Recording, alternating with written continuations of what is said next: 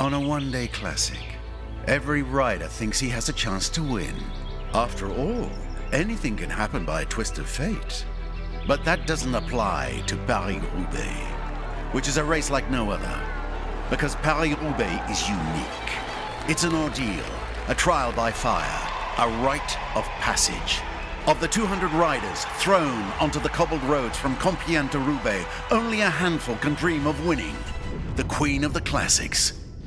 And the others are here, hoping to survive the 257 kilometers from Compiègne to Roubaix and the 29 cobbled sectors peppered on the course, to make it through the much feared Carrefour de l'Arbre, the Mons-en-Pevel sector, or the Truc d'Albert, to make their way through the dust and avoid punctures and crashes, and at the end, deliverance. On the Roubaix Velodrome, there will be only one winner, even if those who cross the finish line will have something to remember until their last breath. Welcome to the hell of the North. Søndag står 175 forventningsfyldte og måske en smule bekymrede cykelryttere klar til start.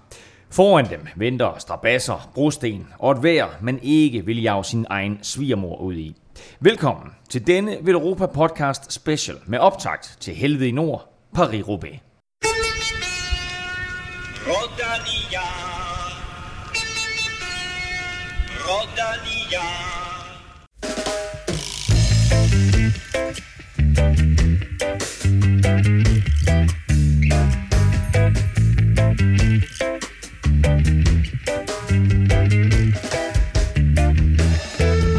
Lydklippet, du hørte i starten er fra den officielle trailer for årets Paris-Roubaix, og har du lyst til at se den med billeder på, så gå ind på facebook.com-veleuropa. Den er mega fed, og like lige Facebook-siden, mens du er der. Det er altså videoen, der er mega fed, ikke Facebook-siden. Send den faktisk også Ja, er fed. Vi optager i dag i Studie 1, eller med andre ord på Veleuropa Café, direkte fra caféen, og for første gang i den her podcast-historie med live-publikum. Velkommen til. Kæmpe bifald. To, to mand. Skide godt. Nå, mit navn er Claus Elming, og med mig der har jeg vores kontinentalrytter Stefan Djurhus, og det er jo en helt speciel dag i dag, fordi det er, Stor Stefan, dag. det er din fødselsdag. Ja, 28. Tillykke med det. Tillykke. Mange tak. Og naturligvis også velkommen til Velropas helt egen kaptajn, Kim Plesner. Hvordan har du det? Jeg har det aldeles glimrende. Dejligt. Hvor meget glæder I jer til i morgen? Rigtig meget. Det er jo... Øh, Og nu siger jeg i morgen, altså det kan også være, at man lytter til den søndag, men altså. Meget glæder jeg til Paris-Roubaix. Jeg glæder mig altid vildt meget til Paris-Roubaix. Ja, det er et af de hvad er der, tre løb om året, tror jeg, hvor jeg meget, meget gerne vil se det helt fra start til slut. øh, det, Og hvordan er det med, med i morgen? Fordi hvis man har lyst til at se løbet, kan man så komme herned på Velropa Café lige fra start? Ja, det kan man nemlig. Nej, hvor er det smart. Helt utroligt. det er vel ved halv 11 11 tiden, skal vi sige det sådan. Og Stefan, hvor er den hen sådan i din øh, løbskalender på et år? den er... Den er i top 2. Den er...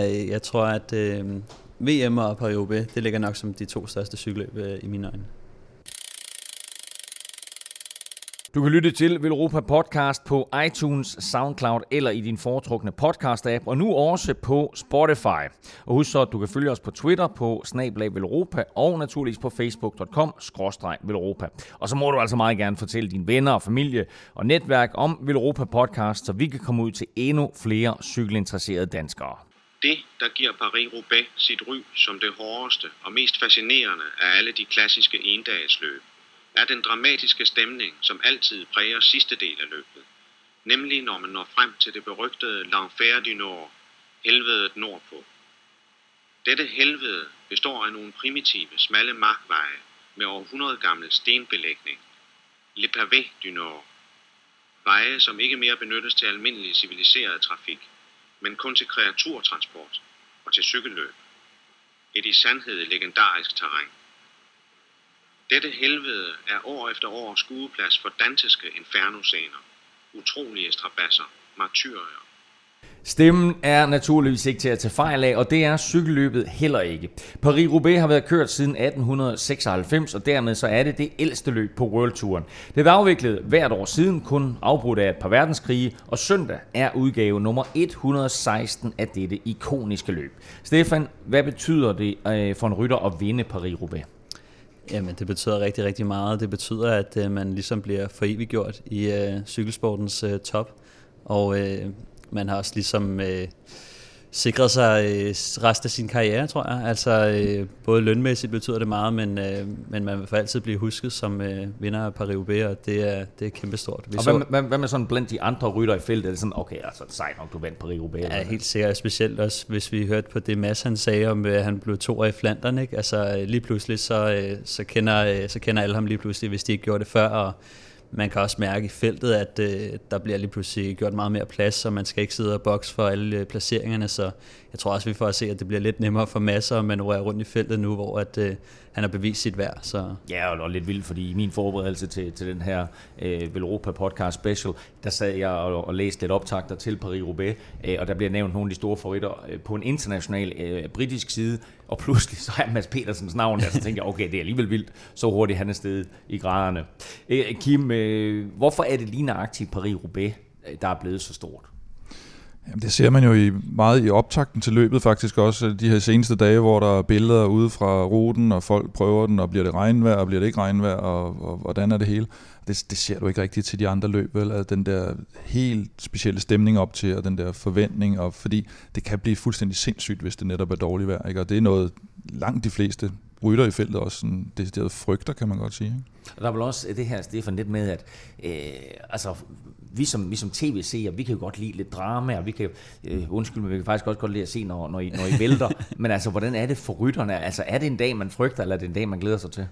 Altså, det er jo skrækkeligt altså, at styre dig. Det er rigtig ubehageligt at køre i, i regnvejr, fordi at... Øh, man glider jo rundt, og man er altid øh, bange i svingene, og øh, de hvide streger på vejene, og man bremser slet ikke så godt, og øh, det, det er utroligt farligt for rytterne, så det, det er lidt, jeg synes, det skulle, jeg er lidt ambivalent, fordi jeg ved, hvor, øh, hvor trist det er at køre rundt i regnvejr, men jeg kan godt forstå, at det, det indbyder til lidt mere drama, selvom, øh, selvom nogle af rytterne de, de vælter og slår sig rigtig meget. Så jeg sidder altid lidt og, og håber på, at de, de i hvert fald ikke kommer til skade, når de styrter, men, øh, men ja, det indbyder til, til lidt sjovere cykelløb nogle gange godt lidt at bruge udtrykket sjovere. Øh, Kim, hvis man sådan kigger tilbage sådan, øh, historisk, eller bare lige inden for de sidste år her, hvad, hvad synes du så, øh, der sådan øh, springer frem i din hukommelse? Hvad, hvad er det fedeste løb? Hvad er det, hvad er det bedste pri du lige husker? Jamen, faktisk for to år siden, synes jeg, den uh, Matthew Heyman vinder, hvor man, man har en finale. Øh, vi er jo enige. Stefan står og peger på sig selv siger, det var min, den der. vi, vi er fuldstændig enige, at, øh, at den kan man simpelthen ikke komme udenom, fordi den er så, den, den er nærmest ikonisk, altså selvom den er to år gammel, fordi den finale var fuldstændig sindssyg. Altså, ja. der havde vi fem rytter eller sådan noget, der, der ja, angreb på skift, det... og ingen af dem havde egentlig noget. Og, at det var, jeg synes også, det var værd at bemærke, hvordan, øh, jeg kan huske, da jeg sad og så det, så øh, på et af pavirstykkerne, så øh, blev Heyman skubbet af vejen af Sepp van Marke. Og så tror man egentlig, at han var ude af løbet, og så, så lige pludselig så sad han der sgu igen, og så, øh, så endte han jo med at vinde, og det var, det var fuldstændig vanvittigt, som de sad og angreb på hinanden og gik kolde, og man sad også lidt og krydsede fingre for, for Tombonen, kan jeg huske, fordi at, øh, ja. han, øh, han var ved at afslutte sin karriere, og, og han ville så gerne have den her øh, sejr igen. Ikke? Og Men det er også et kæmpe chok, ikke? at der sidder øh, Bonen, og der sidder Van Mark, og der sidder Panda, og så sidder der Matthew Heyman, 36-37 år gammel, og ender med i sin jo, karriere efter og, endelig at få en sejr. Men ja. mere også, det at Tom Bonen så den eneste gang i sin lange karriere bliver overspurtet af sådan en som Heyman, hvilket ja. jo aldrig nogensinde sker. Øh, også den måde, de lå, altså, det lå også til Bonen. Altså, det var ikke sådan noget med, at han lå dårligt inde på velodromen, han blev bare slået. Det siger også noget om, om løbet, at øh, til sidst, så er det sgu ikke så meget, hvem der er sprinter og hvem der ikke er. Det er, hvem der har noget tilbage og, at træde med. Løbet begynder i Compiègne nord for Paris, og Paris, øh, eller Paris, øh, og så bevæger det sig nordøst mod byen San Quentin, og som om det ikke var en fængslende oplevelse i sig selv, så skal rytterne gennem Arnbergskoven, inden turen går nordpå mod Roubaix. Undervejs, der passerer de 29 brustensstykker på samlet lige under 55 km, eller over en femtedel af løbets samlede distance på 257 km. Brostenstykkerne er inddelt i kategorier fra 1 til 5 stjerner, hvor der er tre stykker i den sværeste kategori med 5 stjerner. Der er stykker fra øh, blot 200 meter til det længste stykke på 3700 meter, og det kan altså mærkes i både arme og hænder og fødder og bagdel og nakke for den sags skyld. 15 km fra mål, der rammer rytterne det frygtede Carrefour øh, de Labre stykke. Det er femstjernet på 2.100 meter, altså lige over 2 km. Og her kan løbet altså sagtens finde sit afgørende moment. Det hele slutter sædvanen tro med halvanden omgang på velodromen i Roubaix. Øh, Stefan, fortæl øh, lige, hvad betyder de her brustindstykker øh, for rytterne efterhånden, som man bevæger sig længere og længere frem i løbet? jamen det, det dræner fuldstændig øh, folk for kræfter i det her cykeløb. Det er, det er jo ligesom, øh, det bremser jo cyklen helt vildt, når man, når man kommer ind på dem, og, øh, og det, det dræner bare rytterne stille og roligt, og det er derfor, at man ser dem komme ind så smadret til sidst. Øh, det, det er ikke bare øh, 267 km, det er, det er nogle rigtig, rigtig hårde kilometer, de her. Kim, hvad bliver afgørende søndag? Åh, det er jo sådan et, det er jo sådan et, et lidt dieselløb, ikke, som Mads Wirtz også var inde på i, i vores seneste podcast. Så det, og så selvfølgelig igen uheld og styrt og mekanisk defekt og hvad ved jeg ikke. Altså du kan jo have lige så gode ben, og så kan du komme ud for sådan tre uheld i, i finale eller lige inden finalen, og så, så er det bare forbi. Ikke? Og præcis som det her Kim også er lidt inde på, Stefan, vi har talt en hel del om positionskamp i Europa podcast indtil videre. Øh, den er usandsynlig vigtig i Paris-Roubaix. Ja, det er den virkelig. Øh, det, det handler her, når i, normalt, i normalt cykelløb, så handler det om at komme ind på bakkerne her, der handler det om at komme rigtig godt ind på, på brostenene, fordi vi ser tit, for eksempel så synes jeg, at Arnbergskoven er det perfekte eksempel, altså hvis der først sker styrt, eller nogen, der holder stille, jamen, så kan du bare ikke komme forbi, og så ender du med at stå og vente til, til de har fået rejst sig op, og, og så kan cykelløbet blive, blive rigtig svært derfra, ikke? og det, det er det samme med, med nogle af de andre øh, hårde brostenstykker. Altså hvis, øh, hvis man sidder for langt tilbage, så kan du ikke rykke med i, i de angreb, der er. Og der opstår huller foran dig, som du lige pludselig skal sidde og lukke. Og, og alt det der, det, det, det, kan man komme udenom, hvis man bare sidder fremme i feltet. Ikke? Så, så det er utrolig vigtigt, hvis man skal være med i kampen.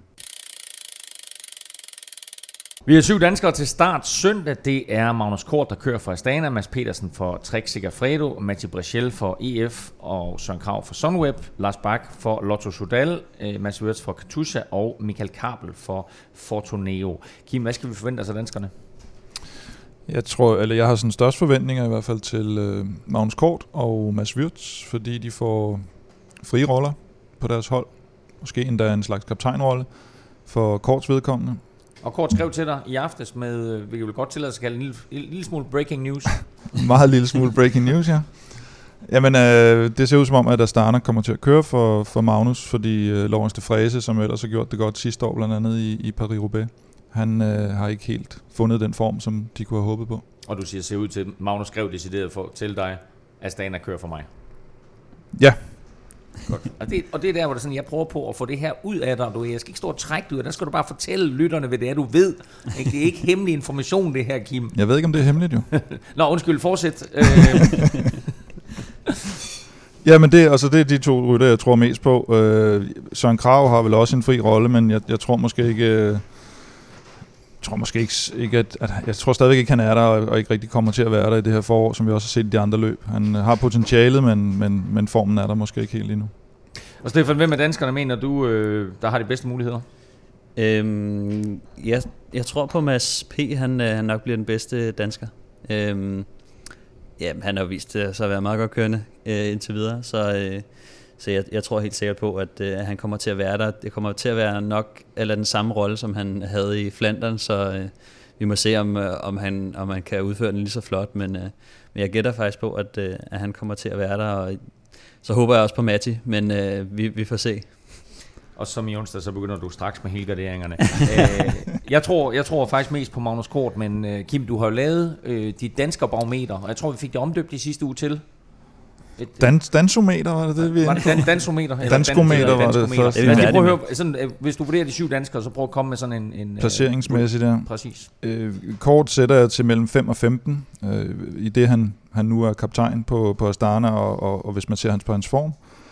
Mads Wirtz vurderer jeg til måske en 15 til 25. Jeg tror faktisk godt, han kan, kan banke en ordentlig placering af.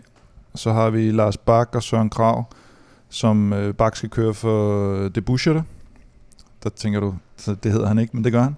Deboucher? Ja. Ham vi kalder Øh, Deboucher. Ja, men øh, ham skal de køre for, så, men, men Bak er stadigvæk så god på brosten, at jeg tror egentlig, han ender relativt højt op.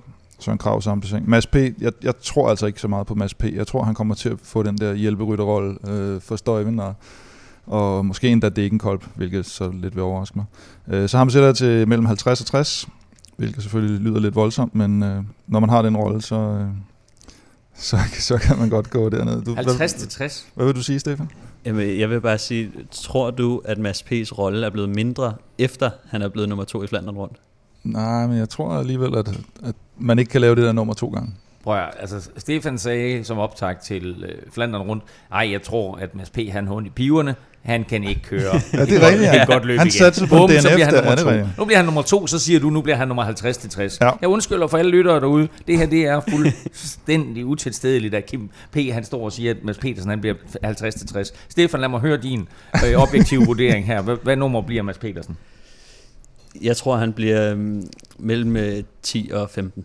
Og øh, så må vi se, om han kommer ind lige før kort. Men jeg tror faktisk, at øh, de kommer nok til at ligge øh, tæt på hinanden.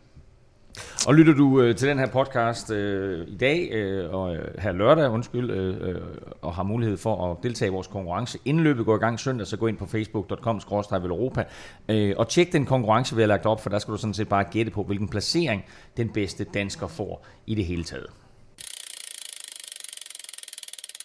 Efter forårets flotte danske brostensresultater, så kan man godt gå sådan og drømme lidt om, at vi kunne stille med et rent danskerhold. Og hvis vi fantaserer om at kunne stille dansk hold på øh, tværs af tidsaldre, så vil det efterhånden kunne blive sådan ret slagkraftigt. Derfor så har jeg bedt dig, Kim, om at øh, tage sportsdirektørhatten på sådan for en dag, og så finde de syv danskere, som du vil stille med øh, til et øh, kombineret Flandern og Paris-Roubaix. Øh, har været en svær udfordring. Nej, egentlig, jo, lige at få skåret de sidste til, men, men ellers synes jeg egentlig, de fleste navne gav sig selv. Jamen, jeg har sådan taget mest ud for top 10 placeringer i, i brostensløb gennem tiderne. Så er både Valgren og Mads P. på. Øh, ja, Mads P. kom lige nøjagtigt med, faktisk. Okay, også spændende. Nå, jamen fortæl os, hvem du har på dit syvmandshold, og du kan starte gerne ned fra, sådan, ja, Ja, som du har arrangeret rytterne. Jeg synes, Mads P. og, og Smeden, eller Allan Johansen, de, slå, de lå faktisk og kæmpede lidt om den syvende plads, vil jeg sige. Men, men nu i forhold til, hvor meget Mads P. har opnået i så unge en alder, så tænker man måske lidt... Øh, Så det, jamen, du fortæller mig, at Mads Peter blev nummer to i Flandern rundt. Har du svært ved at sætte på holdet? jo, jo, men det er jo klart, han har jo ikke så mange resultater. Mange af de andre har jo, har jo, har jo lidt flere resultater, men det er klart, at en anden plads i Flandern, den, øh, den, den tæller. Du skal gøre det godt, fordi altså, ellers så bliver Stefan, øh, så bliver han øh, sportsdirektør på det næste hold, jeg skal have stillet. Og øh, den næste, der er med, det er Brian Holm. Han øh, blev blandt andet nummer 3 i E3 Harlebække, nummer 3 i Dvarstor Flandern, og har også kørt nummer 7 i, i Paris-Roubaix. Og øh, på femtepladsen, eller hvis man tæller nedad i hvert fald, så er han rytter nummer 5. Der er det Søren Lilleholdt. Han vandt øh, E3 Harlebække og har kørt top 10 igen Wevelgem. Og så har vi Valgren, der jo med sejren i, i omløb og så fjerdepladsen i Flandern selvfølgelig har kørt sig, kørt sig ind på holdet. Og tredje sidste mand på holdet er Matti, som har vundet øh, Dvarstor Flandern, har kørt på podiet igen Wevelgem, har kørt top 10 i E3 og har kørt top 10 i både Flandern og Paris-Roubaix. Og så har vi næst sidste mand i puljen her, der har vi Lars Mikkelsen. Han er blevet nummer 1, 2 og 4 igen Wevelgem. Han har kørt syv gange i top 10 i Dvarstor Flandern, to gange i top 10 i E3, to femtepladser i Paris-Roubaix og kørt top 10 i Flandern rundt. Det er altså det er en, Ja, ja, er rekordliste, det der, ikke? Ja, det er meget godt. Ja. Men der er alligevel lidt op til, øh, til Rolfi på første, første manden, og, øh, som er selvfølgelig vandt Flandern, og det, det, det er en voldsom skalp. Ikke? Og så øh, fem gange top 6 i Flandern, tre gange top 10 i Roubaix, tre gange top 4 i tre dage ved Har, har panden, Rolf kørt tre gange top 10 i Roubaix? Ja. Det er alligevel- Og så podiet i- ikke? og podiet igen Wevelgem også. Wow. Nå. Har du den samme kaptajn i begge hold? Nej, Eller begge løb? jeg er glad for, at du spørger. Ja. Jeg vil nok sætte uh, Rolf som kaptajn i Flandern og Lars Mikkelsen som uh, kaptajn i Paris-Roubaix. Hvad, hvad siger du til listen her, Stefan? Til, til holdet er du enig? Er der mangler der nogen? Ja, det synes jeg, jeg, be, jeg bemærker. Du er, du er specielt. enig, der, der mangler ikke nogen, eller hvad? Nej, jeg, jeg, jeg, jeg synes, det er, en, øh, det, er en, det er en god liste, og bider, bider specielt mærke i, at både Valgren og, og Mads P. er med, som jo, som jo er aktiv, og det, det siger lidt om, at, det, at det, det, er en, det er et godt tidspunkt lige nu for, for danskerne, altså at, at vi har to af, to af de bedste øh, Roubaix-rytter i all time lige nu aktiv, så Ja, og så noget andet, synes jeg, man lægger mærke til, når man laver listen, det er også det, at, at det er faktisk her i nyere tid, at vi, at vi har haft nogle gode brostensrytter. mm. Den eneste, der sådan kom lidt i betragtninger, som jeg har på også som en slags reserve, sammen med Frank Høj, Jesper Skibby og Lars Bakke i øvrigt, det er Ole Ritter, som både kørte top 10 i Flandern og Roubaix i sin tid. Men ellers har der slet ikke været nogen, jeg snakker også med Per Bags her om det, der var ikke, der var ikke rigtig nogen tidligere, øh, der, der gjorde det så godt, som de gør nu. Men dejligt, du lige hæver Ole Ritter med ind over det. Jeg tror nok, at der er mange, der vil have ham øh, på deres øh, all-time øh, brostenshold, eller bare all-time danske hold i det hele taget.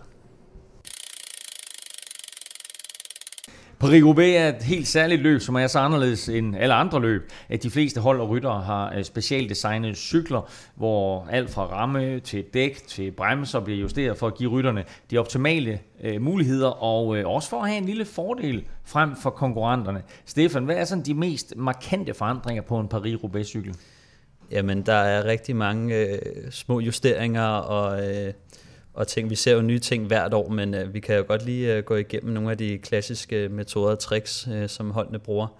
Øh, en af de første ting, det er, at øh, rytterne de har altid øh, et, øh, et lille klistermærke, øh, som markerer alle øh, brostenstykkerne, og øh, hvor, højt de, hvor svære de er, og øh, og de, det, er jo en, det er jo en lang liste, men, øh, men sådan skal det jo være. Cykelrytter, de er rigtig vedløber, de kører med en lang frempind, så, så der burde være plads til, til en lang liste. Øhm, sidste år, der, der så jeg øh, Van, øh, Van Avermaet, som, som havde, jeg tror, han havde 5-6 stykker på hjem, hjemmeskrevet, som mm. folk grinede lidt af, men... Øh, han er med at vinde, så griner de ikke så meget. Ja, lige præcis, ikke? men det, det siger også lidt om, det er utrolig svært at sidde og holde øje med, med sådan en liste der, altså når det hele bumler, og det er sgu lidt svært at sidde og kigge ned, men øh, jamen, en af de, øh, de vigtigste ting, det er jo, at, øh, at mange af de største producenter, de, øh, de laver specielle øh, rubé-rammer, som, øh, som er lavet med, med lidt mere affjedring, som typisk sidder i forgaflen eller i bagstagen. Øh, nogle de har også lavet nogle lidt, øh, lidt sjove ting, hvor de har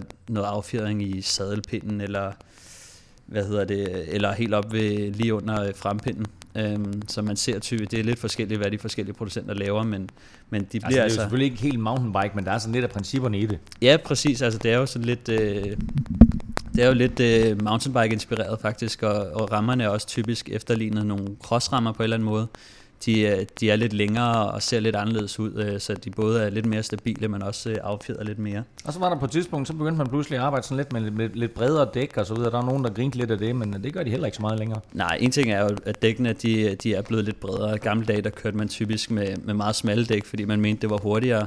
Men øh, man har nu fundet ud af, at, øh, at 25 mm faktisk er hurtigere end, øh, en 23 gammel gamle kørte man helt ned til 19 mm, fordi man troede, det var hurtigere. Men, øh, men man har fundet ud af, at øh, 25 det, øh, det har en, øh, en lavere rullemodstand. Men øh, i Paris der kører de så med bredere dæk. Øh, de kører med øh, 28 mm typisk, men kører også, nogle kører også med 30 mm faktisk, og det er netop, netop for at, at få lidt mere affjedring i, i cyklen og, og, og få lidt mere greb øh, på vejen. Øh, og de er altså, nu, nu er det jo ganske, ganske få millimeter, der drejer sig om, men betyder det faktisk også, at, at chancen for at ryge ned mellem to brosten, den bliver mindre? Ja, det tror jeg også, det er. Øhm, måske er det lidt mindre ting i det, men øh, overordnet så er det for, at øh, man kan holde ud og køre på brostenene, og man ikke sidder lige så meget fast på brostenene, øh, så man glider lidt, øh, lidt nemmere over brostenene, når man har bredere dæk, øh, fordi at de, de absorberer øh, lidt bedre, øh, så det ikke øh, hopper så meget, og det, der går meget øh, tabt øh, af farten, øh, når, når det hopper så meget. Øhm, men øhm, ja, øhm, en anden ting, altså når vi er inde på dæk, så, øh, så er det også vigtigt at bemærke, at der, der er meget forskel på, på hvilke dæk de har øh, på UB. Det, øh, det er jo et specielt løb, og der er mange ryttere, der får specielt lavet, øh, hvad hedder det, dækkene. Man har ofte set øh, rytter, der kører på, øh, det er sådan lidt hemmeligt jo, øh, men øh, de kører på noget, der hedder FMB øh, dæk, som er nogle, øh, nogle håndlavede dæk, som, øh, som bliver produceret i, i en kælder øh, et sted i det, det, det, er et navn på en eller anden mand eller sådan noget? Ja, øh, François-Marie øh, Boyot eller andet øh, står det for. Øh, og det er ham her, François-Marie, der har startet det her øh, firma, som er blevet meget kendt. Øh, han har leveret øh, dæk til Tom Bonen og Cancellara før i tiden, og det er sådan lidt, de, de skriver typisk uh, specialized på dækkene eller et eller andet, ikke? For, for at skjule det lidt, uh, hvor at Specializer måske har leveret uh, det yderste lag til dækket uh, et eller andet for at få deres navn på. Men, eller et klistermærke. ja, eller et klistermærke, ikke? Men det er fordi, at, uh, at det, altså, det er lidt, uh, det er sådan lidt, de vil gerne have noget, der ruller godt, og noget, som er holdbart, og, og så, så har man altså fundet ud af, at de her FMB-dæk, de er, de er rigtig gode, og der er også, øh, Dugas laver også, øh, det er meget kendt i, i crossverdenen, og de laver faktisk også nogle, øh, nogle roubaix som, øh, som blandt andet har noget silke i også. Øh, for at de, de ruller lidt bedre. Og, Fint skal det være. Ja, meget fint skal det være. De har så en meget lav øh, levealder, de her, ikke? og derfor så er det noget, man, man, man specielt bruger til Roubaix. Og det, det siger også lidt om, om forberedelserne til det her, og, og det er så meget hemmelighedsfuldt. Hvad, hvad kører man på af dæk, mm-hmm. og hvad kører man på med dæktryk? Man kører også... Øh, folk kan være helt fanatiske om det lige er 5 bar eller, eller 5,5 bar og sådan noget.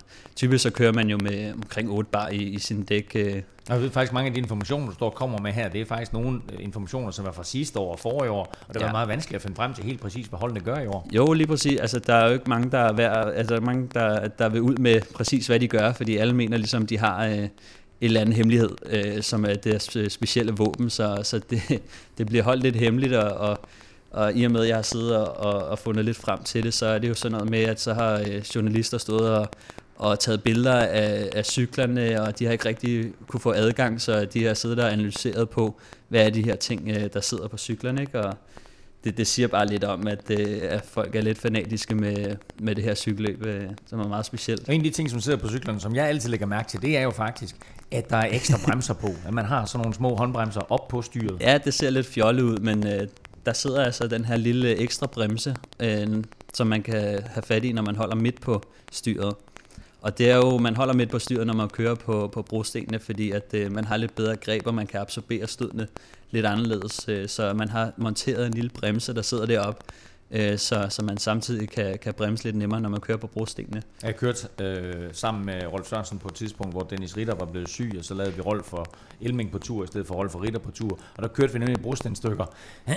og øh, Rolf han siger, at vi kommer ind på det første stykke, øh, og så siger han, nu giver vi den gas. Og jeg er jo helt nede i... Øh, I raceposition. Ja, i raceposition, ikke helt nede i bøjlen der, og, og så videre. Og da vi så kommer igennem, så siger Rolf, må jeg se dine hænder? og de var fuldstændig blodrøde og så hvide øh, over det hele der, hvor man ligesom havde holdt fast. Ikke? Ja. Og sagde han, "Ved du, du kører ikke meget mere end en eller to brustensstykker, så har du vabler over det hele der. Så Ja. tek- teknikken er simpelthen helt løse hænder, Ja. midt på styret ovenpå, og det er også derfor, man ser den her ekstra bremse, fordi så skal man ikke til at ned i, i, i, bøjlen der, fat i bremsen, men man har den bremse op foran, Ja. så man så kan bremse rimelig nemt øh, samtidig, altså, samtidig med, at man ikke mister grebet op Ja. øh, midt på, på styret. at der er mange, der ikke øh, der indser, hvor, hvor hårdt det egentlig er at holde fast i en cykel, når den bumler så meget, og i Paris-Roubaix, der kører man over så mange pavé-stykker, at man bliver nødt til at, at gøre et eller andet, så man ikke får, øh, får de her stød. Man, man har sådan en helt mærkelig fornemmelse i kroppen, når, hver gang man kommer ud fra et øh, pavé-stykke, fordi at øh, man har fået en ordentlig rystetur, så kroppen er sådan helt mærkelig bagefter. Og typisk så ser man også, at øh, når man kommer ud fra et brostenstykke, så... Øh, det, det føles helt mærkeligt, og man, man føler lige pludselig, at i og med, at kræfterne er blevet drænet, så kan man ikke rigtig få gang i cyklen efter brostenstykkerne også. Mm. Men øh, i, nu har du oplevet det med, med at din, du får vabler og sådan noget, og det, man, øh, man, for at komme det lidt i forkøbet, så plejer de jo også at lægge dobbelt styrbånd på, øh, på styret, så man får lidt mere øh, fjedring i, og det bliver lidt bedre at holde fast i. Øh, nogle har også øh, bare tykkere, øh, sådan specielt lavet øh, styrbånd, øh, eller også har nogen lagt noget gel ind under også. Noget, var der, også der var noget med noget silikone under styret Ja, på et det, også. ja, jeg ved ikke rigtig, hvor mange der bruger det længere egentlig. Jeg synes, Det var, også lidt uh, uligent at se på, faktisk. men men uh, der kan man jo så se sådan en som uh, Tom Bonen, som jo måske er en af de eneste favoritter, som kørte uden handsker og, og bare med lidt tykkere styrbånd på, og det er sgu lidt mere ligerens at, at se på det, ikke? Øh, han er, det, det, han er sgu lidt mere hårdfør øh, type, som, øh, som bare kører igennem og ikke tænker på, om han ryger ned og ligger og alt de her ting. Og det, det synes jeg sgu er lidt mere ligerens end at køre med dobbelt styrbånd og gel og tykke handsker og jeg ved ikke hvad. Øh, men nogle af de andre små ting, som der er, det er, at øh, dunkene falder jo konstant af, når det, når det hopper så meget, så man, man prøver ofte at køre med nogle sådan lidt mere gammeldags øh, stålflaskeholder, øh, som, øh, som sidder lidt mere fast, eller også så kan man øh, putte noget grip tape, altså sådan noget sandpapirsagtigt noget på flaskeholderne, så de ikke øh, hopper ud hele tiden. For det er sgu lidt trist, hvis man kører der, og man er skide tørstig, og så, så hopper to dunke af, ikke? og så skal man ned og hente nogle nye eller et eller andet. Øh, så, så det er meget vigtigt, at man kan holde de her flasker på, på cyklerne, så man ikke lige pludselig øh, bliver dehydreret undervejs. Øh, en anden ting, det er også, øh, man har tit set øh, ting, der går i stykker undervejs. Øh, ting, der bliver raslet løs og sådan noget, så man bruger også ofte nogle lidt stærkere skruer, som man, øh, som man skruer ind i cyklen, for at de her ting ikke går løst. Øh, Og det, det er sgu også ret vigtigt, øh, så, så styret ikke lige pludselig falder af midt under det hele, ikke? Fordi en, øh, Ubehageligt. en let skrue, der lige pludselig er knækket. Øhm, Det så man jo engang faktisk, med Hinkapi. Ja, det var styret, der styret røg eller frempinden, eller hvad det var, der, der, der simpelthen, eller forgaflen, eller hvad fanden Ja. det var, der, der simpelthen røg væk under ham, og så, ser, så sidder du bare, ser du bare en mand, der sidder med et styr i hånden, Det er faktisk rigtigt. Er og så ligger han bare ude i grøften, ikke? Ja, det, er- det er fandme ærgerligt, altså. Det er jo sådan noget, man kan tabe et cykelløb på, så, så hvad Oh, er... really?